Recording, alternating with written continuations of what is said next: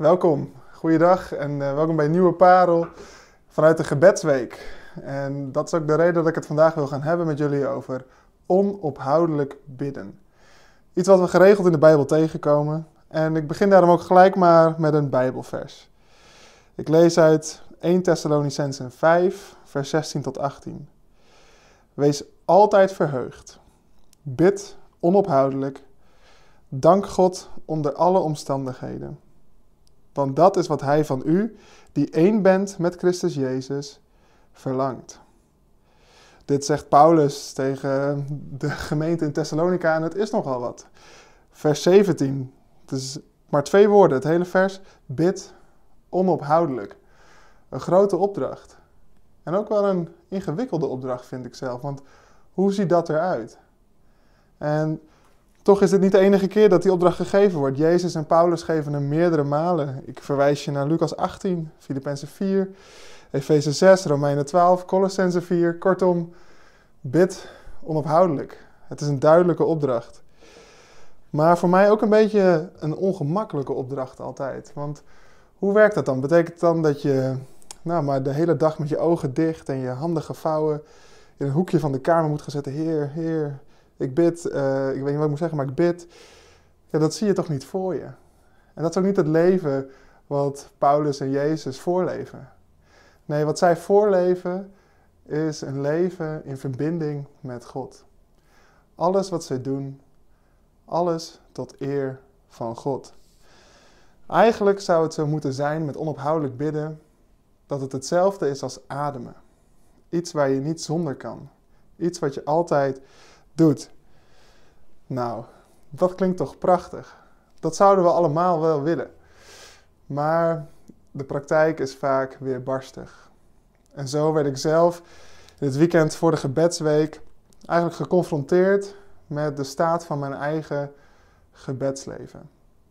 Ik hoorde mezelf de laatste tijd vaak zeggen: God heeft de belangrijkste plek in mijn leven. Hij staat op één. En in de grote lijnen is dat ook wel zo. Maar als ik eerlijk kijk naar hoe ik iedere dag mijn tijd indeel, dan getuigt dat niet van datzelfde statement. Dan getuigt dat niet van de eerste plek die hij zou moeten hebben in mijn leven. Want als ik ochtends wakker word en ik mijn telefoon aanzet, dan komt er gelijk van alles op me af.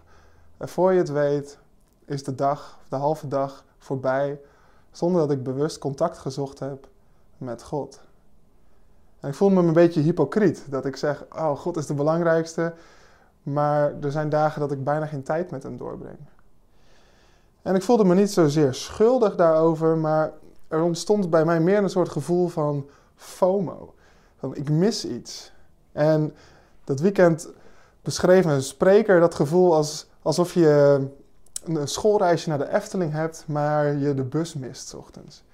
Of je hebt s'avonds een spannende date met de liefde van je leven en je hebt er al de hele week naar uitgekeken, maar onderweg gaat je fiets kapot, je mist de trein en je mist de hele date. Het is niet zo heel erg, er volgt ook geen straf, er komt vast wel weer een nieuwe kans, maar je mist gewoon iets geweldig moois. En zo is het ook met dat contact met God. En zo ontstond er in mij tijdens deze gebedsweken verlangen om dat niet meer te missen.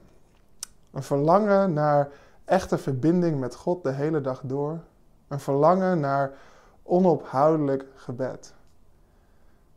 Maar ja, hoe doe je dat dan? Dat is de volgende vraag. En terwijl ik daar zo over nadacht, kwam ik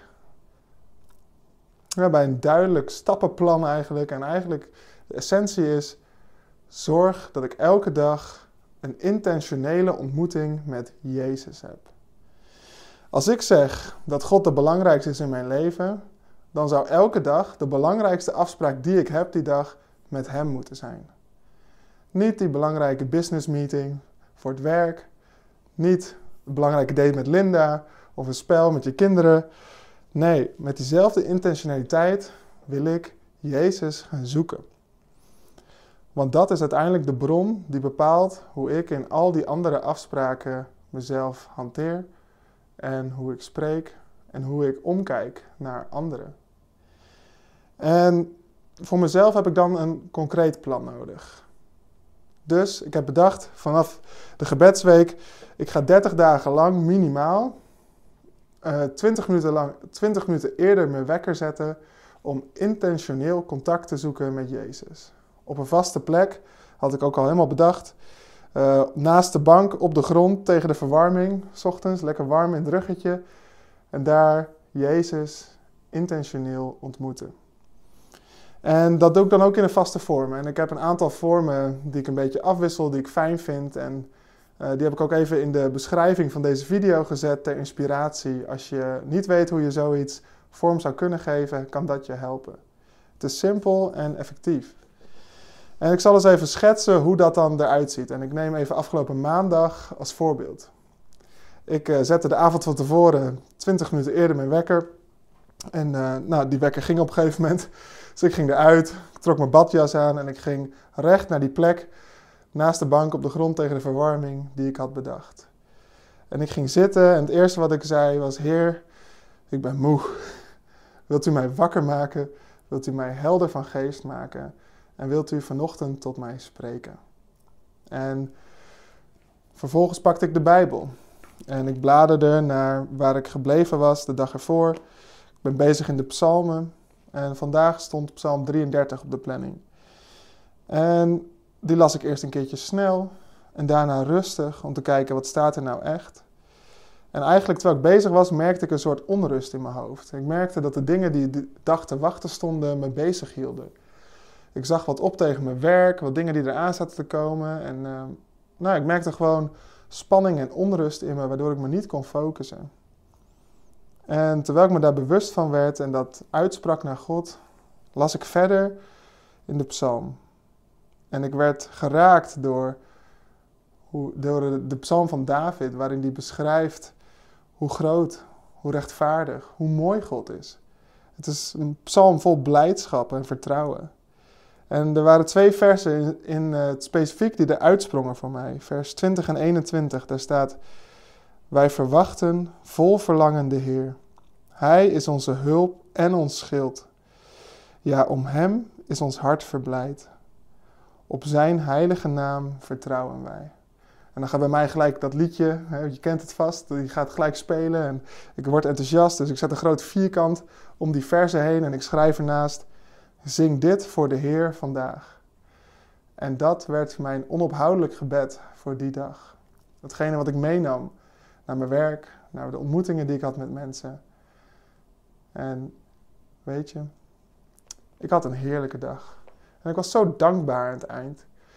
En toen, het allermooiste was nog, halverwege de ochtend kreeg ik opeens een appje van Linda terwijl ik aan het werk was. En die zei, ik heb het ook gedaan vanochtend.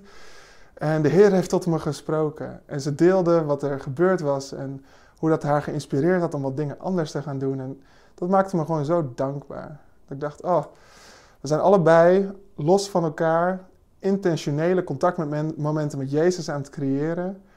En gaan daarmee wandelen met Hem. En gaan daarmee onophoudelijk bidden met Hem. Maar delen dat ook samen. En dat is nog zo'n grotere verrijking om dat samen te doen. Want dat is volgens mij waar we uiteindelijk voor gemaakt zijn. Voor verbinding en gemeenschap. En dat ontstaat in dat contactmoment met Jezus. Dus deze week, tijdens de week van gebed, heb ik ervoor gekozen om hier concreet mee bezig te gaan. En ik wil ook jou vragen: hoe was jouw week? Hoe is je gebedsleven? Bid je onophoudelijk? Of heb je daarin nog iets nodig? Of heb je daarin verlangens? Ik wil het je meegeven. Bedankt.